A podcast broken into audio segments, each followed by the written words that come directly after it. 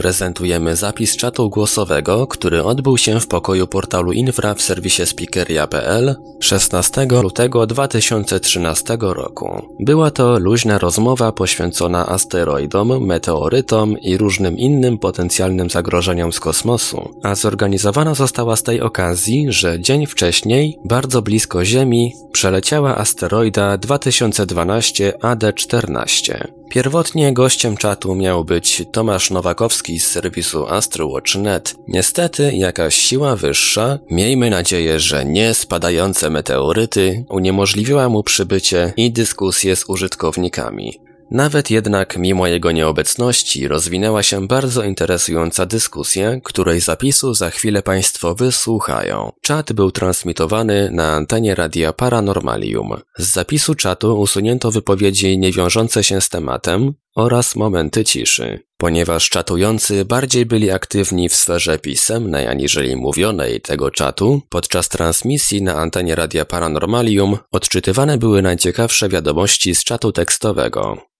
Dobrze, myślę, że możemy już zacząć. Mówi Michał Kuśnierz, serwis Infra, Forum Infra. Myślę, że możemy rozpocząć dzisiejsze spotkanie właśnie poświęcone temu, co chyba wszystkich poruszyło to, co wydarzyło się wczoraj, czyli w piątek 15 lutego. To, co wszyscy mogliśmy oglądać na, na ekranach monitorów i telewizorów, czyli owo mm, słynne już w tej chwili e, ten słynny wybuch meteorytu nad e, Czelabińskiem i na, nad e, okolicznymi rejonami bardzo spektakularnej i bardzo dobrze udokumentowanej i to jest bardzo ważne właśnie w tym momencie. Możemy przecież porozmawiać w swoim gronie i myślę, że to będzie równie ciekawe, tym bardziej, że wiem, że pojawiło się bardzo dużo interesujących wątków na naszym forum, także możemy o tym podyskutować. Także może zacznijmy przede wszystkim od tego, co tak naprawdę naprawdę e, stało się e, nad Uralem wczoraj e, wczesnym rankiem. Bo tak, mamy oficjalną wersję, że to był meteoryt, który wchodząc wyższe w partii atmosfery, był to kamienny prawdopodobnie meteoryt, rozpadł się na części, na, na odłamki. Pierwsze informacje były takie, że te odłamki dotarły do powierzchni Ziemi, powodując pewne uszkodzenia, ale później się okazało, że tak do końca nie było, dlatego że tak naprawdę te największe uszkodzenia i, i dewastację spowodowała po prostu fala uderzeniowa e, wynikająca właśnie z e, rozpadu e, tego ciała, które weszło w atmosferę. I tutaj się, się nasuwają różne ciekawe wnioski. Znaczy, znaczy niektórzy mówili na przykład o tym, że mm, e, być może to wojsko rosyjskie zastrzeliło e, ów obiekt e, gdzieś tam wysoko w atmosferze, e, co zresztą zostało mm, e, zdementowane przez oficjalnie przez rosyjskie ministerstwo, Ministerstwo Obrony. No ale cóż, jakie są wasze wnioski po tym wszystkim, co żeście widzieli wczoraj? Tutaj widzę, że z nami jest Artemius, e, który bardzo ciekawe posty napisał na e, forum i też e, żeśmy wymienili parę zdań w prywatnych wiadomościach. Artemius, wiem, że ty byłeś dosłownie dzień wcześniej w Czelebińsku. Czy mógłbyś parę słów powiedzieć o tym, jak to wyglądało? Bo mówiłeś na przykład o zwiększonej aktywności lotnictwa wojskowego w tym rejonie.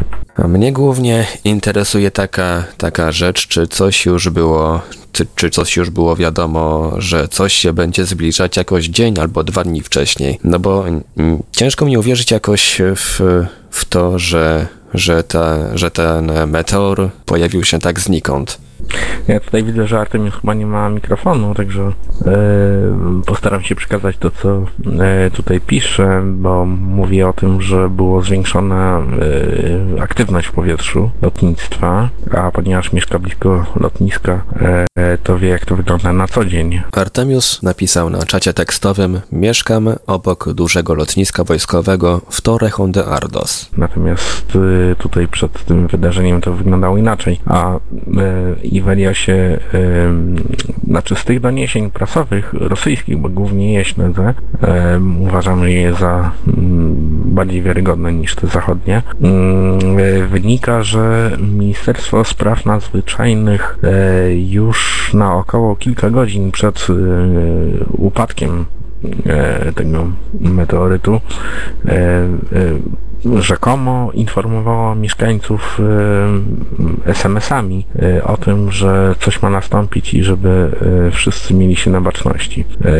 Później to było jakoś tam mm, dementowane, znaczy nie tyle dementowane, co po prostu ludzie mówili, że nic takiego nie otrzymywali i, i że to jakaś jest taka mm, informacja nie w pełni sprawdzona, bo też skąd i Ministerstwo do Spraw Nadzwyczajnych miałoby mieć SMS-y do wszystkich ludzi mieszkających w Czelebińsku, no ale to inna No ale w każdym razie z tego by wynikało, że coś tam e, wcześniej było wiadomo, tylko że e, e to ty, tak jak Iwalias powiedziałeś, że e, trudno, aby coś takiego nie było zauważane, a właśnie, że e, to nie jest do końca tak, że mm, powiedzmy ciało, które e, tak jak fachowcy szacują, że to było gdzieś od no może 4 do 10 metrów średnicy, mm, zostało wcześniej wychwycone. Także myślę, że jeśli już, to w ostatniej chwili. I rzeczywiście, jeśli mm, się połapali Rosjanie, że, że coś tutaj nadlatuje, to musiało być nie, nie mm, powiedzmy kilka dni wcześniej, tylko po prostu w ostatnich godzinach przed, e, przed tym impaktem. Artemius na czacie tekstowym napisał: Byłem w Czelabińsku kilka razy wcześniej i nie widziałem nigdy samolotu wojskowego nad miastem. E, no właśnie Marcin ADK, ty żeś e, też ciekawe wnioski wysnuwał na naszym forum. E, może byś zabrał głos też w tej sprawie i powiedział parę słów, co ty o tym myślisz wszystkim. Marcin ADK napisał na czacie Monitoring NEO jest nadal niezbyt skuteczny, panowie. Marku, jakie jest twoje osobiste zdanie o tym, co się wydarzyło wczoraj? A tym bardziej e, ciekawe jest to, że e, przecież oczekiwano na 15 luty, dlatego że również tego dnia przeleciała, tylko że wiele godzin później asteroida bardzo blisko Ziemi. Także to była bardzo ciekawa koincydencja. Co byś mógł, Marku, może powiedzieć na ten temat? W kwestii tego wydarzenia z nad Rosji, z nad Uralu nie mam jakiegoś jeszcze wyrobionego zdania. Natomiast tak jak mówiłem, Mm, już mniejsze obiekty też są, też są wychwytywane, z tego co ja przynajmniej wiem, i jakoś trudno mi uwierzyć w to, że, że tego meteoru, czy cokolwiek tam spadło i się rozwaliło, e, że tego po prostu żadne przyrządy nie wykryły. Jakoś kilka godzin wcześniej przynajmniej, jeżeli nie dzień wcześniej. Natomiast e, co do Co do tego przelotu asteroidy 2012 AD14, bo chyba taki, taką nazwę tej asteroidzie nadano, to faktycznie um, upatrywano końca świata, niektórzy przynajmniej upatrywali, no i z tego co ja się dowiedziałem wczoraj już, to od końca świata, może nie od końca świata, ale od dużej takiej katastrofy, naprawdę dużej, dzieliło nas e, zaledwie 15 minut. Wystarczyło przecież, że troszeczkę bliżej Ziemia była tej, tej asteroidy, no i mogło być gorąco, w której części świata. Czy to była prawda z tymi 15 minutami, czy faktycznie coś tam groziło, nie wiem, no ale niektórzy upatrywali w tej dacie właśnie końca świata z uwagi na przelot tej asteroidy. No właśnie, ale to ciekawe w ogóle jest to zjawisko upatrywania końca świata, bo e, jak wiadomo 21 grudnia już dawno minął e, i zaczęto się wpatrywać w datę 15 lutego jako e, tą, która może e, uczynić jakiś przełom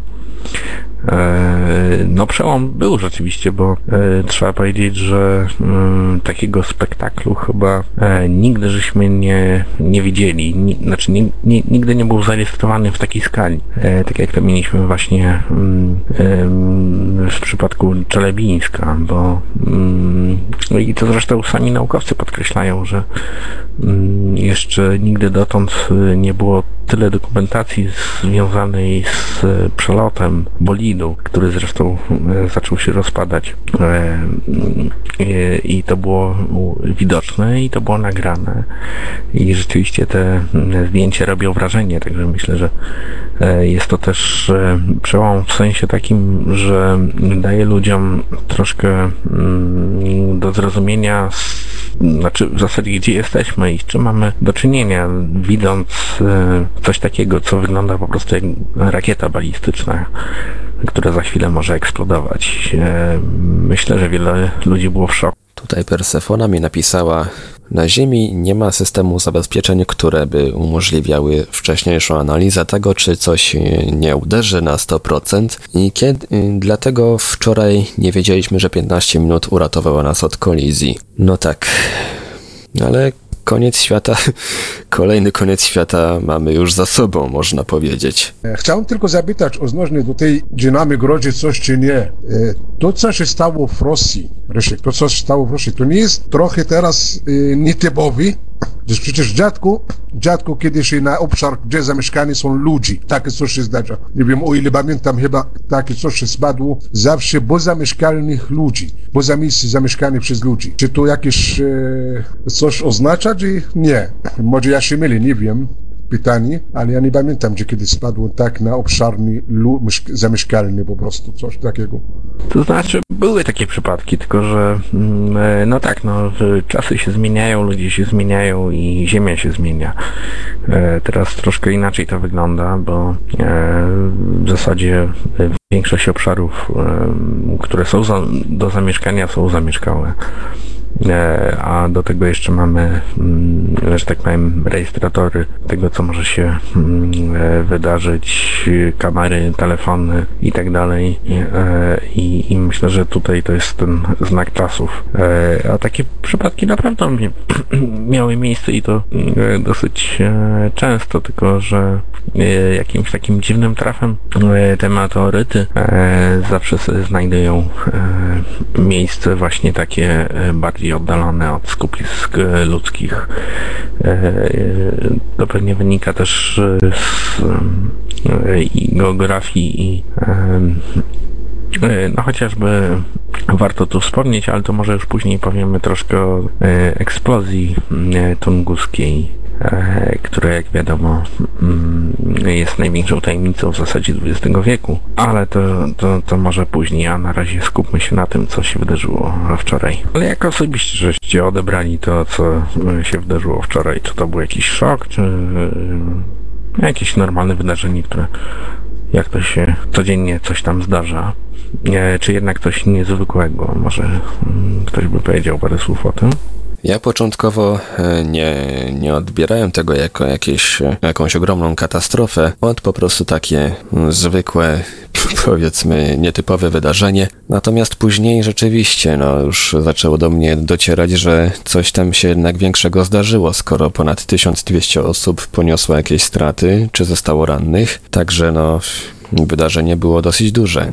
Zaznaczę jedną interesującą kwestię, jak to było przedstawiane w mediach, dlatego że po prostu zrobił się medialny news niesamowicie ciekawy. Znaczy, e, z jednej strony to jest zrozumiałe, dlatego że mm, no cóż, no, należy informować ludzi o tym, co się wydarzyło i, i co się dzieje dalej. Tutaj głównie chodziło o liczbę osób, które odniosły obrażenia, ale z drugiej strony proszę zauważyć, jak to e, w polskich e, stacjach telewizyjnych przedstawiano jako e, no po prostu niemalże apokalipsę. Już mieliśmy mm, prawie że koniec świata związany właśnie z tym co tam spadło nad Uralem. Nie, no właśnie nie tylko w polskich. No, rzeczywiście masz rację, egzystent, że prawdopodobnie również e, w zachodnich, rosyjskich, chociaż Rosjanie to tak podchodzą do takich zjawisk trochę inaczej niż my, ale to już inna sprawa. No ale jeszcze raz bym chciał powrócić do tej kwestii, o której Artemius yy, wspominał i o której żeśmy mówili i pisali, yy, o tej wzmożonej yy, aktywności lotnictwa wojskowego nad Czelebińskiem która poprzedzała e, te wydarzenia, które miały miejsce wczoraj. E, no właśnie, czy to w ogóle jest e, realne? Zestrzelić obiekt, który jest, który porusza się 70 km na sekundę. Z tego co wiem, nie ma takich technik jeszcze. Chyba, że ktoś dysponuje informacjami, że jest inaczej. No ale czy w tym wypadku Rosjanie by się kryli z takim spektakularnym sukcesem, że zestrzelili asteroidę, która miała e, zagrozić Ziemi. e, bo oficjalne stanowisko Ministerstwa Obrony Rosji jest takie, że broń Boże oni nic nie zrobili. A znając Rosję i Rosjan i urzędy rosyjskie, bym pokusił się o twierdzenie, że raczej natychmiast by było to głównym newsem, że zastrzelili. Na czacie tekstowym Alinoa napisała, Możliwe, że było, że chodziło o to, że oni nie chcą się ujawniać ze swoimi zasobami broni. Być może, jeżeli były, były jakieś rakiety, mogłyby być osiągnięciem techniki, etc. Oni się ze wszystkim zawsze kryją, więc wiecie. Marcin Adeka napisał, chyba że wcześniej rano znano trajektorię i na podstawie szczegółowych wyliczeń przygotowano parę baterii, a Linoe napisała, nie sądzę, podobno ten obiekt rozpieprzył się w atmosferze. Artemius pisze, rozumowanie, niemożliwe, że nie wiedzieli, że coś do nich leci, nie mogli więc nie podjąć działań. Marcin Adeka napisał, Artemus, oficjalnie Roskosmos e, zaprzeczył, aby to oni monitorowali wejście w atmosferę. Niech ktoś mi powie, bo prawda podobno również na Kubie też wybuchł meteorytet i to wcześniejszy niż na Rosji. Czemu kurda władz Kubi nie ogłosili tego wcześniej, tylko dopiero bo potem co się stało w Rosji? Czemu dopiero później ogłosili takie coś? Wcześniej podobno spadł nawet. Wie ktoś czemu albo co było? Czy było to prawda, czy nie? Luiskon napisał, a co naukowcy nie przewidzieli asteroidów? Luiskon, e, naukowcy przewidzieli asteroidy, ale tak jak tutaj z tego, co się dowiedziałem tutaj na czacie między innymi, to nie byli w stanie przewidzieć przelotu czy też upadku takiego obiektu, jak wczoraj pokazał się w Rosji. Mi osobiście wydaje się mało prawdopodobne, aby okruch skalny wielkości powiedzmy na nawet 10 metrów e, można było zaobserwować e, z jakimś dużym wyprzedzeniem. Tak jak mówiłem wcześniej, to raczej jest e, kwestia godzin, e, kiedy już wiedzą o tym, że mm, e, coś takiego wchodzi w atmosferę i ewentualnie wtedy mogą przewidzieć jakieś mm, skutki, ale to już jest, że tak powiem, za późno, aby podjąć jakieś, jakiekolwiek środki, aby się zabezpieczyć przed tym. No, a tym bardziej, że no, tak jak sami widzieliśmy, no, tak naprawdę nie jest to specjalnie groźne, e, aczkolwiek e, no, spektakularne, ale i no, powodujące pewne, mm, pewne mm, uszkodzenia. No, tak jak widać było w telewizji, no, ludzie poranieni szkłem i tak dalej, bo to wynika po prostu z fali e, uderzeniowej. E, która powstaje e, po e, rozpadzie takiego bolidu. Nie, no właśnie, Existen, mówiłem o tym przed chwilą, że to chyba pierwszy raz mieliśmy do czynienia z czymś, co oglądaliśmy niemal na żywo. Znaczy nie do końca na żywo, ale w zasadzie no parę godzin, czy nawet mm, kilkadziesiąt minut po tych wydarzeniach ludzie zaczęli wrzucać filmy, które nagrali e, e, na YouTube i tak dalej i to wszystko trafiło do sieci natychmiast. E, I, I, chyba robi to wrażenie. No. E, tutaj niektórzy mm, wspominali o tym, że e, można sobie wyobrazić, jak e, ewentualnie wyglądała katastrofa tunguska. Tylko, że to nie, nie do końca tak. E, dlatego że katastrofa tunguska prawdopodobnie nie miała nic wspólnego z e, meteor, meteorytem, czy meteorem, meteorytem. E, I to jest najciekawsze. I tutaj muszę się pochwalić na równi z Piotrem Cielubiasiem, bowiem żeśmy przetłumaczyli książkę Władimira Rubcowa na temat właśnie tajemnicy katastrofy tunguskiej, ale o tym za chwilę powiem. No tak, poza tym to chyba katastrofa tunguska miała troszeczkę e, większą siłę rażenia, jeżeli chodzi, jeżeli chodzi o obszar który został przez tą katastrofę e, zniszczony. Także tu chyba mm, wydaje mi się, że nie ma nawet porównania. No oczywiście wyglądało to strasznie, natomiast e, porównywanie obu katastrof, obu tych zdarzeń troszeczkę jest chyba Hmm, chyba nie na miejscu. Nie, nie, oczywiście, że nie jest na miejscu, ale to, to właśnie starali się w polskiej telewizji robić różni, e, że tak powiem, mm, e, no nie chcę brzydko e, mówić, no, ale e, osoby mieniące się e, naukowcami, tak to powiedzmy, e, które, jak zauważyłem, bowiem śledziłem wczoraj e, różne kanały, miały problemy z ustaleniem w zasadzie kiedy była ta katastrofa tunguska. Jedni mówili 1914, a może 18, a może 12. No wreszcie jeden z e, rozmówców trafił w sedno i powiedział, że to był 1908 rok. E, I to jest ciekawostka tego, e, też mówiąca o tym, jak w jaki sposób e, tak zwani naukowcy podchodzą do e, tego typu zjawisk.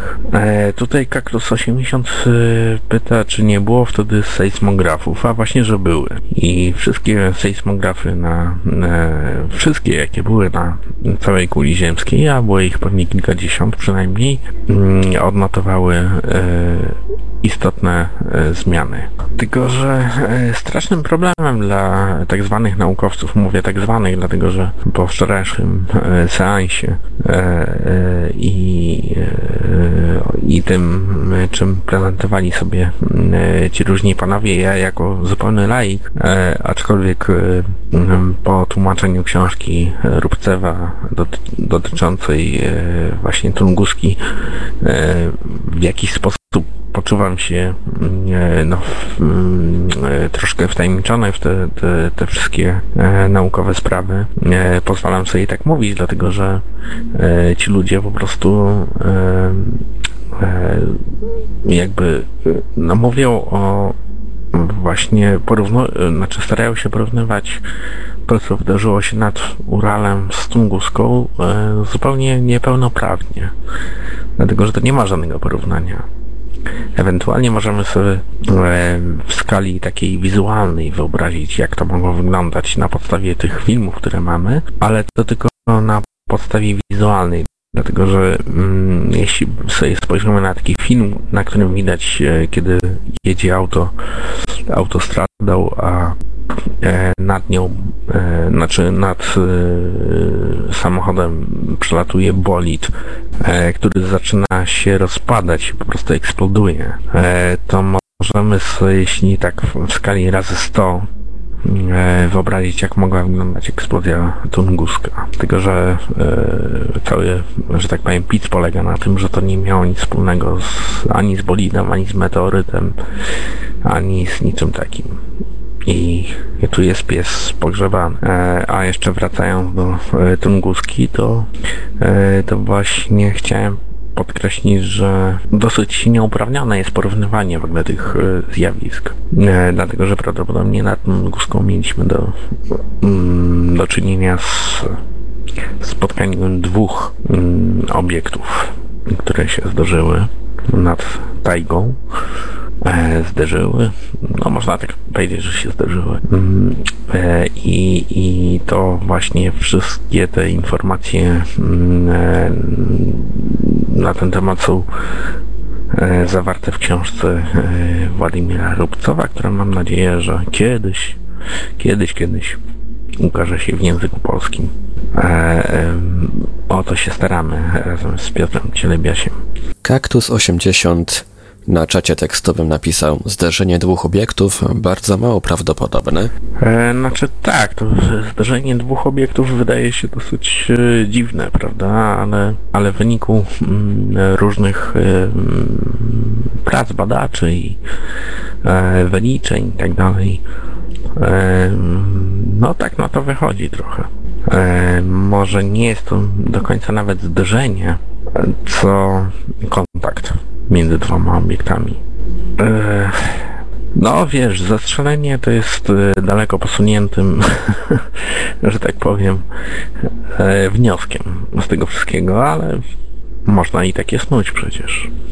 Ciekaw jestem, czy spotkaliście się też z opinią, jakoby ten to wydarzenie wczorajsze w Rosji miało coś wspólnego z, e, z asteroidą, która w, wczoraj właśnie przelatywała w pobliżu Ziemi. Czy w ogóle, e, czy, czy, czy w takich opiniach jest w ogóle coś wspólnego, e, coś wspólnego z stanem faktycznym? Czy coś takiego w ogóle mogło, mogło się stać, że ten meteoryt był jakoś powiązany z tą asteroidą?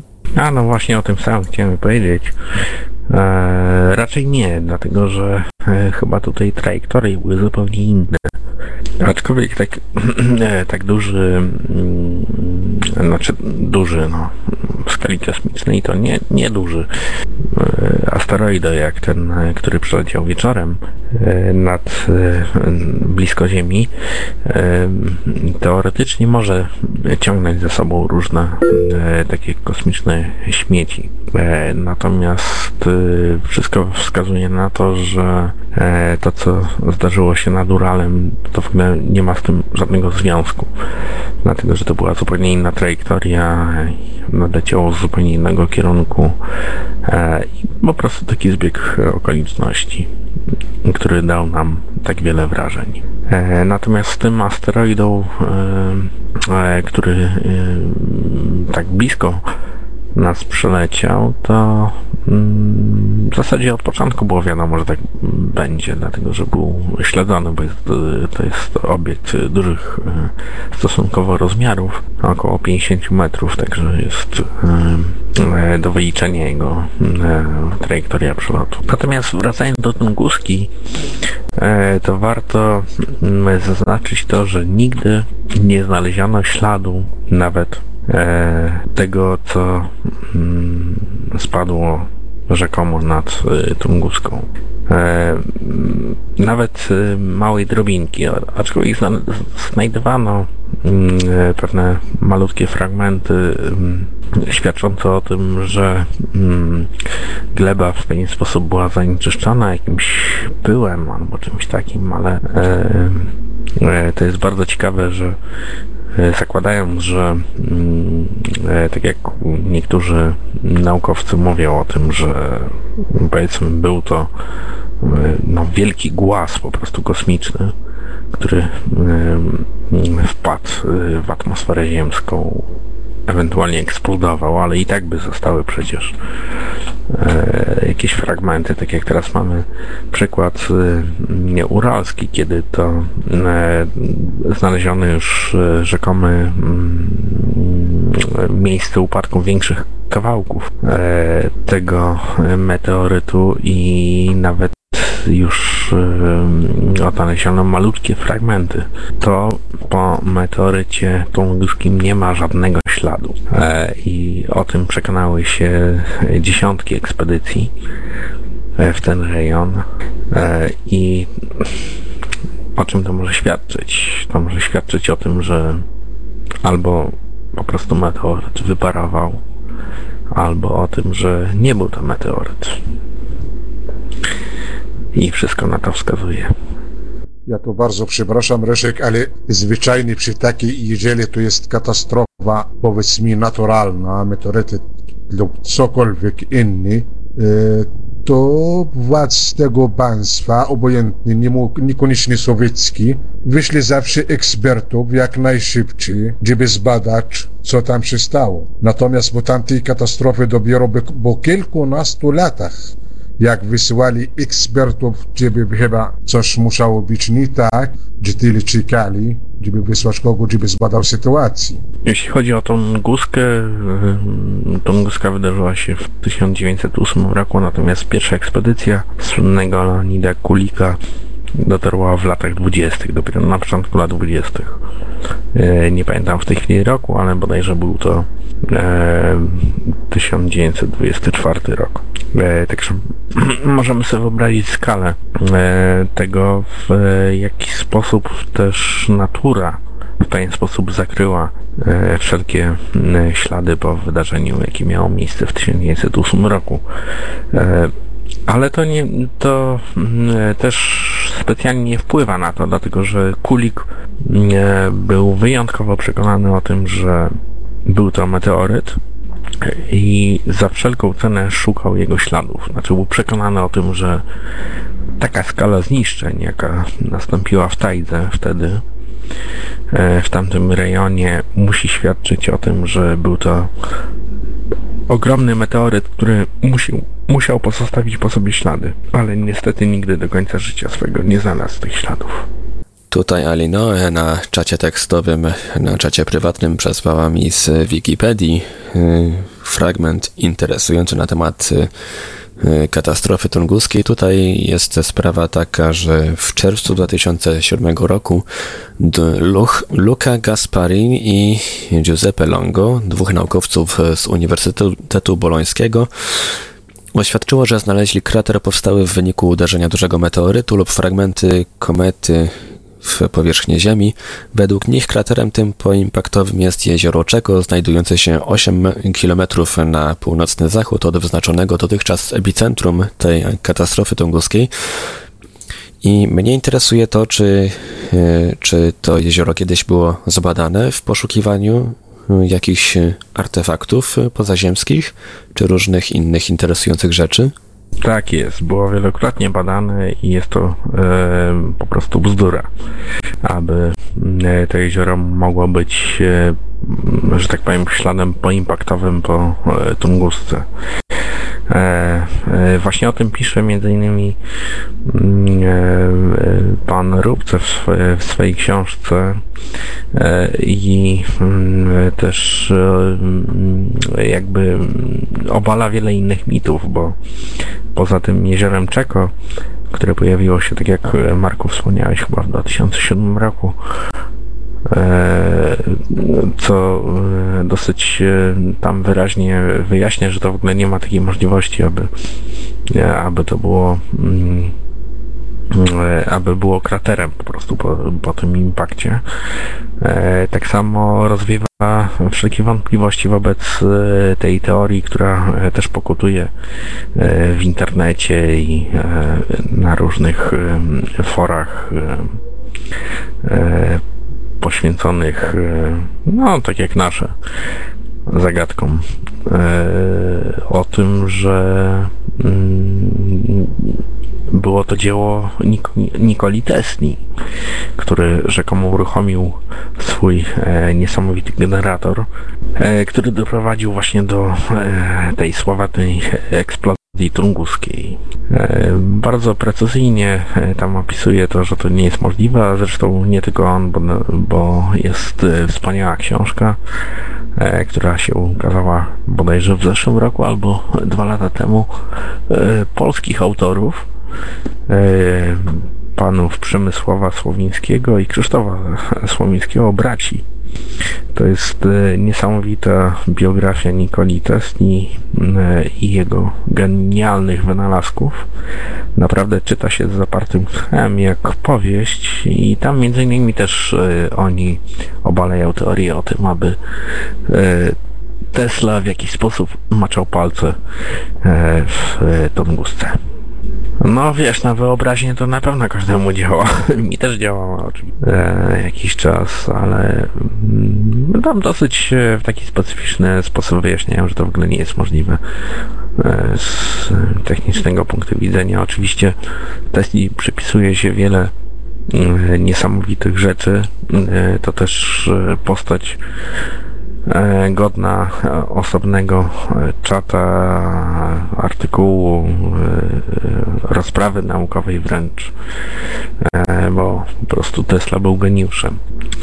Ale, mm, ale niestety, i co zresztą podobno ktoś go w latach 40. pytał właśnie o tą Tunguskę i sam przyznał, że no niestety aż takich mocy to on nie miał. E, z tego co pamiętam. Znaczy, jeśli mogę parę e, słów e, dorzucić o Tunguskiej, to najciekawsze jest nie to, co działo się później, to znaczy nie to, co było efektem, że tak powiem, uderzenia, czy tak naprawdę nie uderzenia, bo nic nie świadczy o uderzeniu, tylko o eksplozji, która prawdopodobnie była eksplozją termojądrową. E, tylko najciekawsze jest to, co działo się wcześniej, e, bo tutaj możemy na przykład mówić o e, przypadku uralskim, wczorajszym, z punktu widzenia tego, co mm, żeśmy widzieli, znaczy efektu, tak, przelotu bolidu, który się rozpadł, fali uderzeniowej i tak dalej. Natomiast eksplozję tunguską poprzedzało bardzo wiele dziwnych rzeczy. E, były to na przykład dziwne zorze. E, było to świecenie się nieba, tak zwane srebrzyste niebo e, nad wieloma miastami europejskimi skądinąd. I tym podobne przypadki. I, I to jest ciekawe, dlatego że to nie jest w żaden sposób do mm, mm, znaczy to jest udokumentowane. Relacje świadków są udokumentowane, natomiast e, tak jak po eksplozji e, udokumentowane są rzeczywiście e, odnotowania w rejestratorach sejsmograficznych chociażby, tak te, te relacje właśnie o tych świecących zorzach, niebach E, nocnych e, są, e, że tak powiem, też taką częścią legendy tej, ale to jest fakt. Dobry wieczór. Pozwolę sobie się przyłączyć do dyskusji. Często na forum Intra Rećko mówiliście o, o, nie, o samym Uralu, o jego jego niesamowitych, można powiedzieć, anomaliach magnetycznych występujących na Uralu. A także wiele, wiele innych bardzo ciekawych historii związanych właśnie z tymi z miejscowościami takimi jak czy Labiński, Katzenburg, czy Bern. Są to bardzo ciekawe miejsca pod względem, można powiedzieć, właściwości magnetycznych Ziemi. I być może właśnie zabierając głos, chciałbym zwrócić uwagę, że akurat upadek tego, tego meteorytu może być zupełnie przypadkowy akurat w tym miejscu. A może to być związane też z właściwościami właśnie tam występującymi.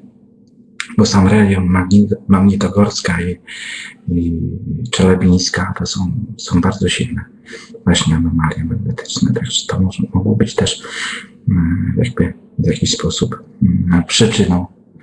E, ktoś do mnie napisał, piwo piłem. Tak, piłem dzisiaj, bardzo dobrze.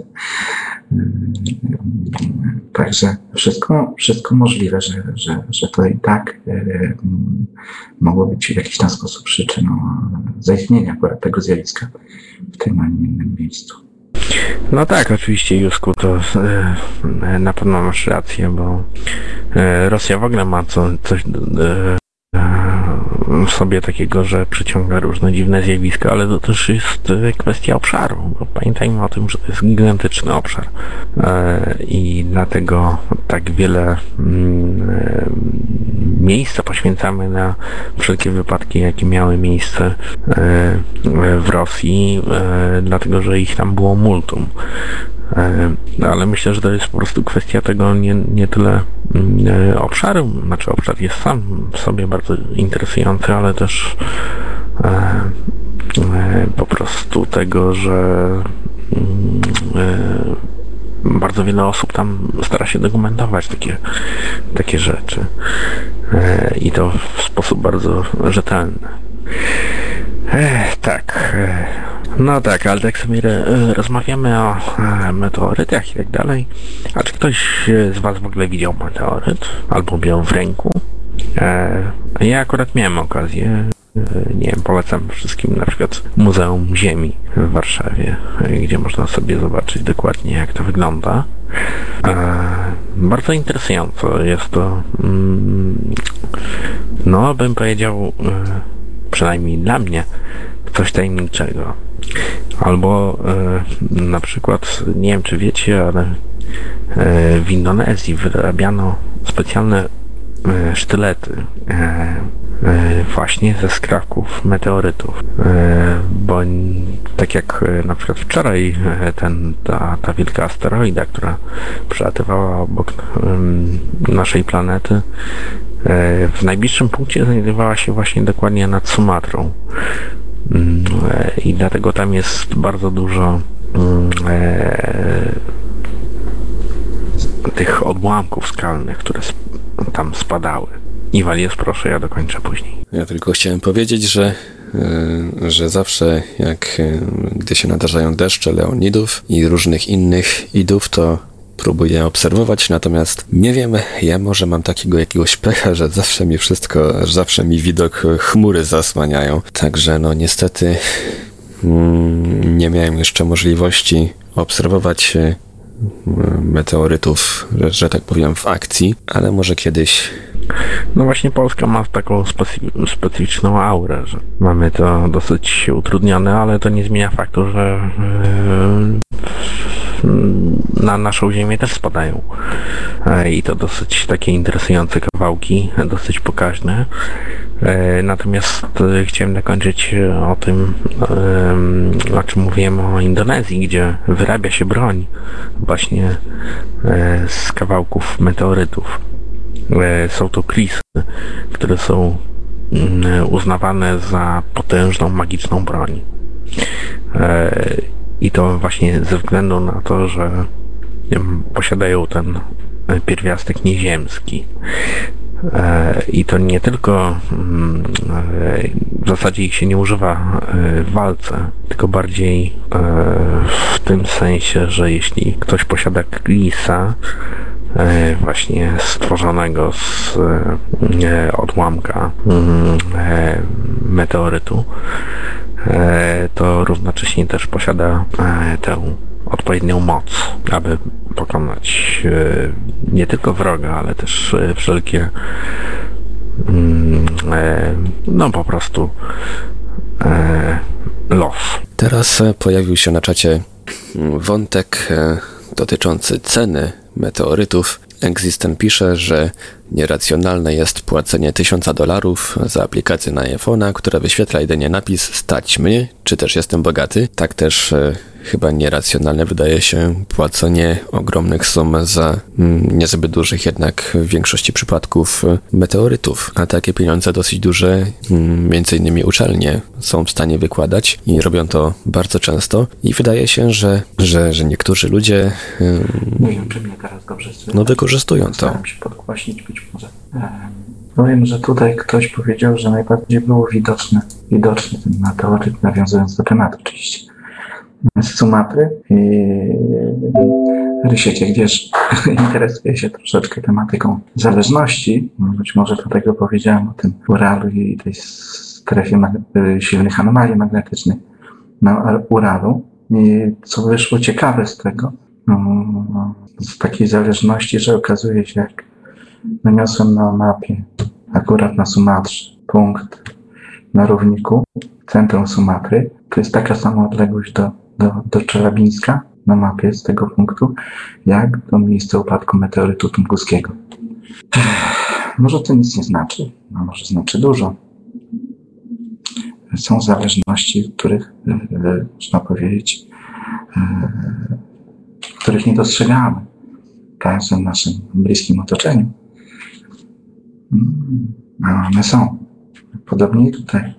Zresztą sam, sam ten upadek tylko, można powiedzieć, tych kilku meteorytów w Czernobińsku, on się działo, y, wydarzyło w takim bardzo ciekawego miejsca, też historycznie y, y, związanego z historią naszej Ziemi, miejsca tak zwanego Arkaim, stojący u Słońca jakie jest określenie grup stojących Słońca.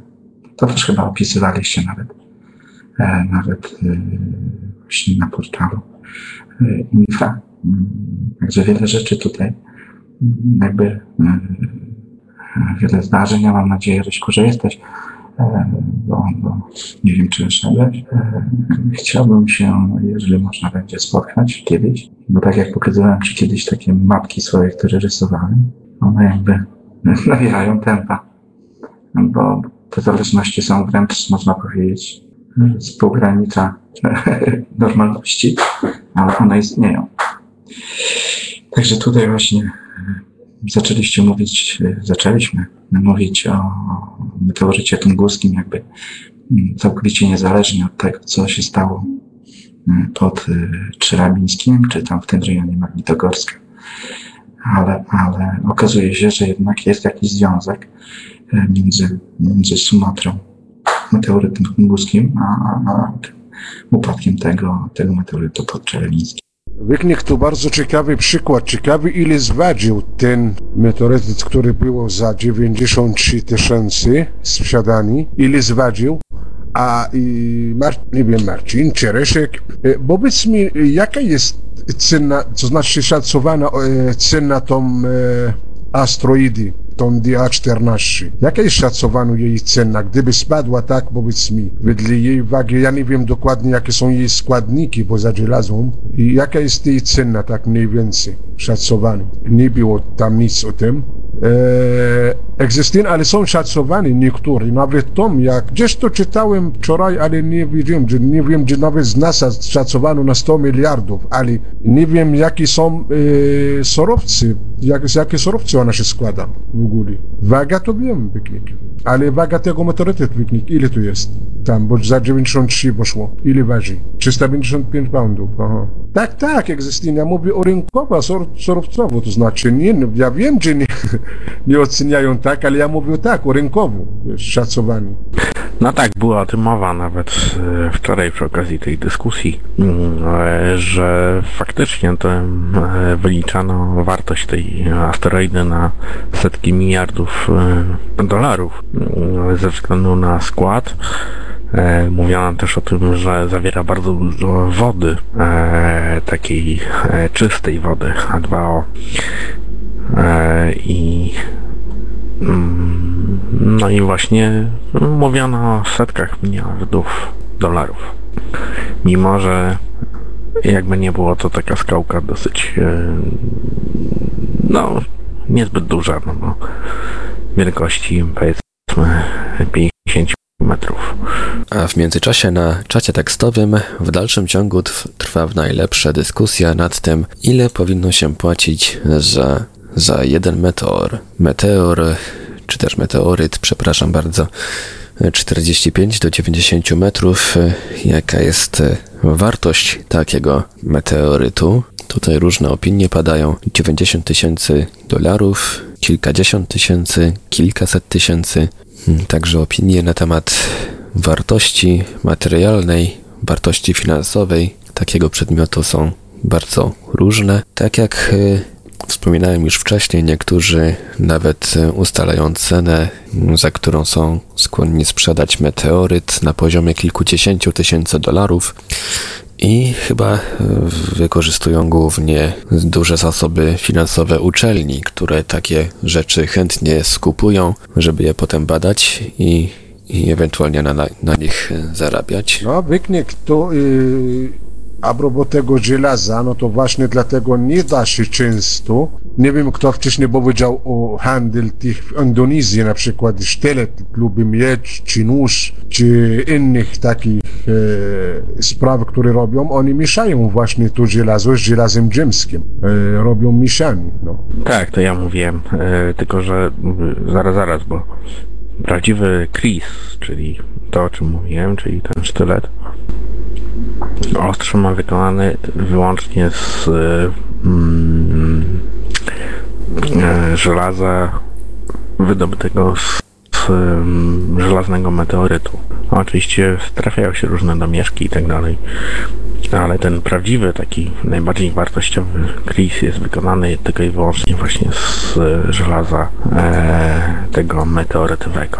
I one kosztują, mogę powiedzieć, że dziesiątki tysięcy dolarów, powiedzmy. A ja właśnie teraz zajrzałem na portal Wirtualna Polska i tutaj właśnie przed chwilą, no znaczy przed chwilą, za 15 8 wieczorem pojawiło się, pojawił się news, czy też informacja o tym, że meteoryt eksplodował również nad Kubą, także wiemy już, że podobne zdarzenie, chociaż nie wiadomo o jakiej skali, tak naprawdę. Mm, wydarzyło się również e, nad Kubą, dokładnie w pobliżu wybrzeża Morza Karaibskiego. Tam mieszkańcy osiedla Rodas koło miasta portowego Cienfuegos zaobserwowali na niebie w nocy z wtorku na środę kulę ognia, rozbłysk i wstrząs, któremu towarzyszyła silna eksplozja, podała kubańska telewizja.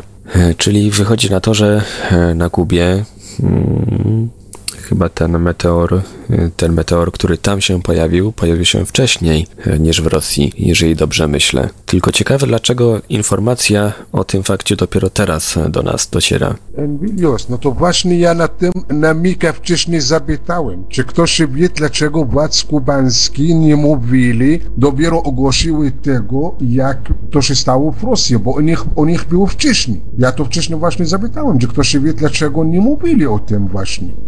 To było dziwne, no. A to było wcześniejszy, nie zaraz, bo zaraz przed tego, co się stało w Rosji. A tutaj teraz doczytałem właśnie, że dwa dni wcześniej również nad środkową Kubą zaobserwowano jakiś silny rozbłysk na niebie i po nim też nastąpiła eksplozja, wstrząsnęła murami domów Rodas i innych okolicznych miejscowości. No tak, tylko właśnie o tym również y, dopiero teraz się dowiadujemy. Ciekawe czemu. Mieszkańcy y, opowiadają o tym wydarzeniu na filmie, który został umieszczony w nocy z piątku na sobotę na portalu y, telewizji kubańskiej TV Kubasi. Tu jest taka relacja spisana na wp.pl. We wtorek, gdy wypłynęliśmy na połów ryb około godziny 20, czyli u nas to była środa około godziny 3 czasem mm, na, nad ranem czasu polskiego, zobaczyliśmy na niebie wielką kulę ognia, większą niż słońce. Jeden ze świadków opowiada, e, jedna z mieszkanek Rodas, mój dom zadrżał w posadach, nigdy nie słyszałem i nie widziałem czegoś takiego. Tutaj też się wypowiadają różni inni eksperci, m.in. antropolog kubański Marcos Rodriguez, e, który twierdzi, że wszystko wskazuje na to, iż nad Kubą nastąpiła eksplozja meteorytu, czyli dużo wcześniej niż w Rosji, a jednak dowiadujemy się o tym, podkreślę jeszcze raz, dopiero teraz. Skąd właściwie, właśnie skąd taka cisza ze strony kubańskich władz? Czyżby się czegoś obawiali? Tutaj Armada e, pisze na czacie, władze Kuby nie miały pewności, że to meteoryt, stąd ta cisza. No ale yy, nawet gdyby nie było wiadomo, jeżeli nie było wiadomo, czy to był meteoryt, czy coś innego, no to chyba powinni podać jakoś, jakąś informację o tym fakcie do opinii publicznej. Tak mi się przynajmniej wydaje. Obojętnie co to było. No jak to po co? No żeby, e, żeby choćby ludzi poinformować, że coś takiego się stało, żeby ich us uspokoić, że, że nie ma ofiar śmiertelnych, że nic się nie zawaliło i tak dalej, i tak dalej, choćby w takim celu. Nie, nie Marku, tam to działa trochę inaczej, znaczy podobnie jak e, na przykład w Korei Północnej. E, gdyby nad Koreą Północną coś przeleciało, to na pewno by się nie dowiedziało tego od e, władz północno-koreańskich, tylko ewentualnie od śledzących ich Amerykanów albo południowych Koreańczyków.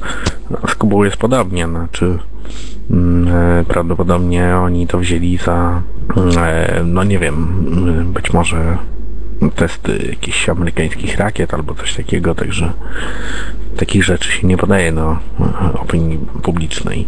E, no chyba, że się przechwyci jakąś rakietę, ale w tym przypadku to nie miało miejsca. Także to jest, wiesz, polityka e, grubymi nićmi szyta, tak bym powiedział. Tutaj, jeżeli, jeżeli wierzyć najnowszym informacjom czy też obliczeniom NASA, meteoryt, który eksplodował wczoraj w okolicach Czelabińska w Rosji, miał 17 metrów średnicy, a jego eksplozja miała siłę 500 kiloton. To podaje za, za serwisem Wirtualna Polska, a dalej za agencją Associated Press. Informacje z ogólnoświatowej sieci obserwacyjnej pozwoliły naukowcom na wstępne oszacowania, oszacowanie rozmiaru obiektu, który wszedł w ziemską atmosferę i wybuchł nad Czelabińskiem w Rosji. Zebrane dane pochodzą od stacji infradźwiękowych rozmieszczonych nawet w odległości 6500 km od Czelabińska. Stacje wykrywające infradźwięki normalnie służą do monitorowania ewentualnych tajnych prób bro broni nuklearnej, a jak się okazuje również mogą być przydatne mm, do wykonywania pomiarów przy takich właśnie wydarzeniach jak wybuch meteorytu. Rozmiary tego meteorytu, który wczoraj e, zabłysł i zrobił dużo bałaganu w Czelabińsku, i w, na w innych miejscowościach na Uralu szacowane są na 17 metrów, a masa na 7 tysięcy do 10 tysięcy ton. Energia uwolniona w trakcie eksplozji mogła osiągnąć równowartość 500 kiloton. Dla porównania, bomba atomowa Little Boy z, zrzucona na Hiroshima wybuchła z siłą około 15 kiloton. Całe wydarzenie od momentu wejścia w atmosferę do wybuchu trwało 32,5 sekundy, czyli obiekt bardzo bardzo szybko się poruszał z prędkością ponad 100 tysięcy kilometrów na godzinę. Niestety fala uderzeniowa, jak wiemy, po wybuchu spowodowała zniszczenia w wielu budynkach, głównie w postaci stłuczonych szyb, ale także na przykład zawalił się dach jednej z fabryk w Czelabińsku. Ranne zostały łącznie 1142 osoby, większość odłamkami szkła. Fragmenty meteorytu spadły w obwodach czelabińskim, Sierdłowskim, Tiumeńskim, Kurgańskim i Orenburskim, a także w Baszkirii i północnym Kazachstanie. Cały czas trwają próby odnalezienia fragmentów tego meteorytu, natomiast e, przynajmniej z tego co ja wiem, jak na razie te próby spełzają na niczym. 20 tysięcy osób e, ze służb rosyjskich poszukuje fragmentów tego właśnie meteorytu i do tej pory, przynajmniej z tego co, tego co mi wiadomo, jeszcze niczego nie odnaleziono. Także poszukiwania cały czas trwają. Ja tutaj zaglądam na czata tekstowego i czytam co, co bardziej interesujące wiadomości. Również przekazuję najnowsze informacje na temat tego, na temat tych meteorytów, które wczoraj pokazały się nad Rosją i nad, nad, nad Kubą i wywołały niemałe zamieszanie. Tutaj na, na naszym radiowym gadu-gadu otrzymałem informację z serwisu zmiany na ziemi.pl, że również Japończycy również widzieli na niebie kulę ognia. Sprawdzam właśnie co to jest. Informacja następująca, oczywiście temu towarzyszy film na portalu zmiannaziemi.pl. Film również datowany na 15 luty 2013 roku, czyli, czyli wczoraj, a więc jest to ten sam dzień, w którym e, po, pojawiły się meteoryty nad Kubą i nad Rosją. Zobaczmy, co tam ciekawego. Oprócz Rosjan, świadkami bezprecedensowego deszczu meteorów byli również mieszkańcy Japonii i USA. Japończycy widzieli obiekty dzień wcześniej, a Amerykanie byli świadkami upadku jakichś obiektów wczoraj. Na załączonym filmie widać jak niezidentyfikowana świecąca kula w kolorze niebiesko-szarym leci prosto na ziemię. Obiekt widoczny jest przez kilka sekund, a potem znika. Tu jeszcze jest, jeszcze jest kilka innych nagrań, innymi nagranie wykonane 14 lutego i jest to chyba nawet większy deszcz meteorów niż ten, jaki tego samego dnia zaobserwowano na Kubie. Według zachodnich mediów kule ognia były również widoczne w innych krajach, takich jak Kanada, Belgia, Holandia i Niemcy. No, ciekawa, e, ciekawa informacja, tylko właśnie nie wiadomo, nie wiemy, czy, ta, czy, ta, czy to było faktycznie. Mm, nie wydaje mi się, żeby ta asteroida była na tyle dobrze widoczna, że, że żeby, żeby było ją widać tak, jak widać, widać ten obiekt na filmie. No ale ciekawe. Ania przez nasze radiowe gadu-gadu podaje, że to są różne różne obiekty obserwowane w różnych czasach, ale data tych, data wykonania tych filmów e, wskazuje na, na 15 luty. 15 luty, 15, 14 również. No tak, na razie tutaj, tutaj są same filmy. Zobaczę jeszcze, zobaczę jeszcze na, na opisy tych, tych materiałów ciekawe komentarze również na stronie NASA na temat tego, co się zdarzyło w Rosji, ale do tego nie będę odnosił, tylko do tego, co mówisz. To skoro to wszystko się zdarzało, to czemu dopiero teraz się dowiadujemy, a nie wczoraj, nie przedwczoraj nie mówili? Czyżby się obawiali i powiedz mi afera albo jakieś żeby zamieszanie nie robili? zanim to wszystko ominie, bo ja nie wiem, ja to słyszę dzisiaj, co do Ameryki Japonii. Kubie też dzisiaj czytałem, chociaż to było dwa dni wcześniej. No właśnie, też tutaj nie mam, nie mam pewności tak naprawdę co do tych materiałów, ponieważ tutaj słuchaczka Radia Paranormalium podaje mi na radiowym gadu-gadu, że to są różne materiały wykonywane, mm, zarejestrowane w różnych czasach, natomiast no data, daty są bardzo zbliżone, 14-15. Zobaczę na opisy tych filmów na YouTube. Tutaj jeden film jest z San Francisco, z Zatoki San Francisco. Widzimy na nim jasny, błękitny, jasną, błękitną, mm, przemieszczającą się szybko gwiazdę, czyli meteor, e, przemieszczający się e, wzdłuż, wzdłuż przylądka, wzdłuż tego, tego przylądka. Tutaj autor autor tego filmu podaje, że sądził przez moment, że był to meteoryt e, podobny do tego z Rosji, to już chyba po obejrzeniu tego materiału i po, po tym, jak przyszła informacja z Rosji, zobaczę na drugi z tych filmów, ale nie wiem, czy tu coś odczytam, ponieważ to jest grażdanką napisane, ale może wrzucę to do translatora i uda się coś coś więcej dowiedzieć, także za minutkę, za sekundkę wracam. Persefona mnie tutaj e, poprawiła, że gwiazda to nie meteor. No, ja tłumaczyłem, tłumaczyłem e, na żywo opis z języka angielskiego. Tak to, e, tak to opisał autor tego filmu, który, który e, został umieszczony i który ukazał się na, innymi na zmiany na ziemi.pl, bo stamtąd ten materiał. E, Ty mnie tu nie ten tego, a ja cię właśnie będę ten tego. Ja cię lubię i będzie. będę ten tego. E, Black Horse, e, wpuszczam cię przed mikrofon. No, nie będę zabrał dużo czasu, tylko do ciebie pytanie, bo tutaj to, co umieściłeś na tego czat, na ostatnie zdanie, według zachodnich mediów w kuli ognia, były widoczne również w innych takich jak Kanada, Belgia, Holandia i Niemcy. Bardzo cię przepraszam, jeśli zapytam, ale i w jakich mediach? Ja nie słysz, słyszałem wczoraj i wszystkie media świata chyba. Jakoś, kurczę, nikt nic o tym temat nie mówił. Masz jakieś tutaj źródła skądś, albo z jakiejś informacji z gazety zachodniej, albo medii zachodniej? Bo tylko tyle pisze, że według zachodnich mediów. Ja cię bardzo przepraszam za pytanie, ale ja chętnie bym chciał zobaczyć właśnie. Bo pewnie, czy te informacje są naprawdę takie były, zdarzyły, czy nie? Kwestia jest taka, że to nie są informacje z jakiegoś CNN-u czy z innego e, TVN24 czy, czy tam jakiejś innej telewizji. To jest po prostu informacja sporządzona na podstawie materiałów e, umieszczonych przez, e, przez ich autorów na serwisie YouTube. To są filmy pokazujące właśnie te obserwacje tych obiektów. E, sz- Poszukam, nie wiem, poszukam jeszcze e, na serwisach internetowych, e, czy coś, jakaś informacja się pojawiła, ale szczerze w Teraz po tym, co powiedziałeś, w to wątpię. Tutaj dostałem z tłumacza Google tłumaczenie tego opisu, opisu tego filmu po rosyjsku i to jest film pokazujący, pokazujący z 14 lutego obserwację podobnego, podobno obiektu nad Japonią. To jest kamera chyba jakaś przemysłowa. Natomiast w Japonii takim ten obiekt, który tam się pojawiał, nie spowodował żadnych, żadnych e, konsekwencji, czy też problemów dla obserwatorów. Zobaczę jeszcze teraz. e, Aha, to jest już, to jest już e, ten trzeci materiał tutaj na zmiany na ziemi.pl.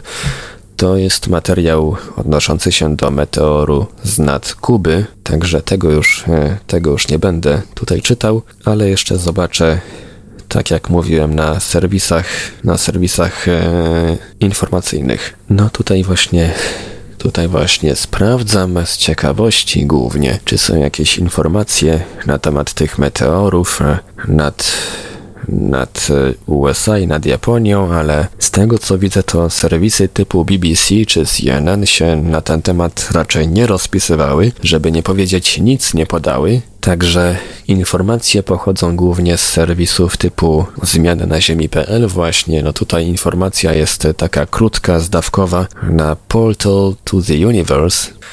Informacja podana za blogiem tematycznym The Latest Worldwide Meteor Meteorite News. Tutaj właśnie ten, ten portal, ten blog podaje między innymi hmm, zamieszcza, zamieszczone są tutaj materiały filmowe z nad Japonii. Duża kula ognia nad Japonią dzień przed y, asteroidą. Tu chyba chodzi o tą asteroidę. Tak, tu chodzi o asteroidę 2012 DA14, czyli materiał wykonany, nagrany film 14 lutego 2013 roku.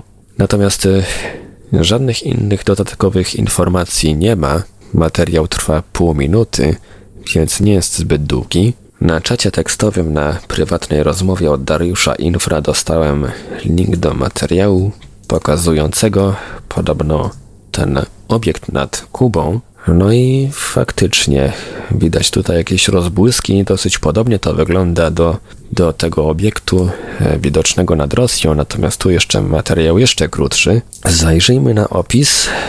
Mm, obiekt e, spadł z nieba nad centralną Kubą w czwartek, w czwartek nocą i przemienił się w kulę ognia większą od Słońca, a chwilę później eksplodował, podała kubańska stacja telewizyjna, cytując świadków.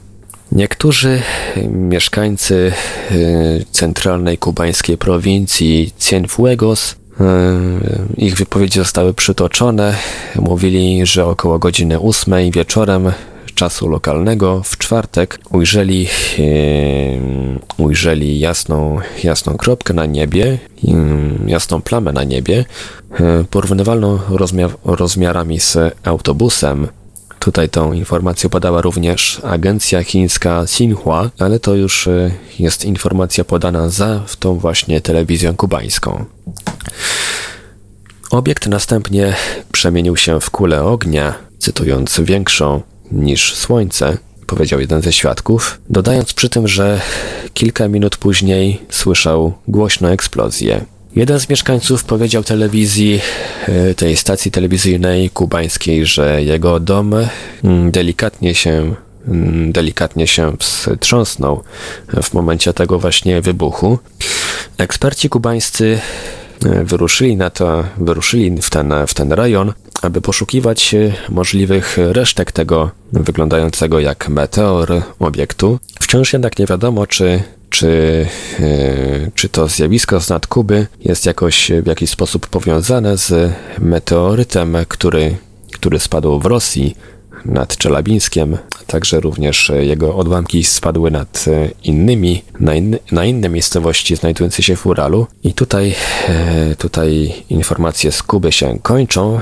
No właśnie dziwna zbieżność dat. Tutaj również yy, zarówno zdarzenie z Kuby, jak i w Rosji Meteoryty tam się pojawiły 15 lutego w obu miejscach.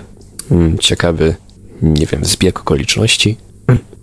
Tutaj na prywatnym czacie Dariusz Infra nadesłał mi link, który pozwolę sobie na sobie udostępnić na czacie ogólnym. E, Darku, z, z jakiego to dnia ten materiał? to zdjęcie. A, pierwszy, drugi luty 2013. Nie, to chyba, to chyba nie ma żadnego jednak związku z tym, o czym dzisiaj mówiliśmy. Dziękuję bardzo za rozmowy.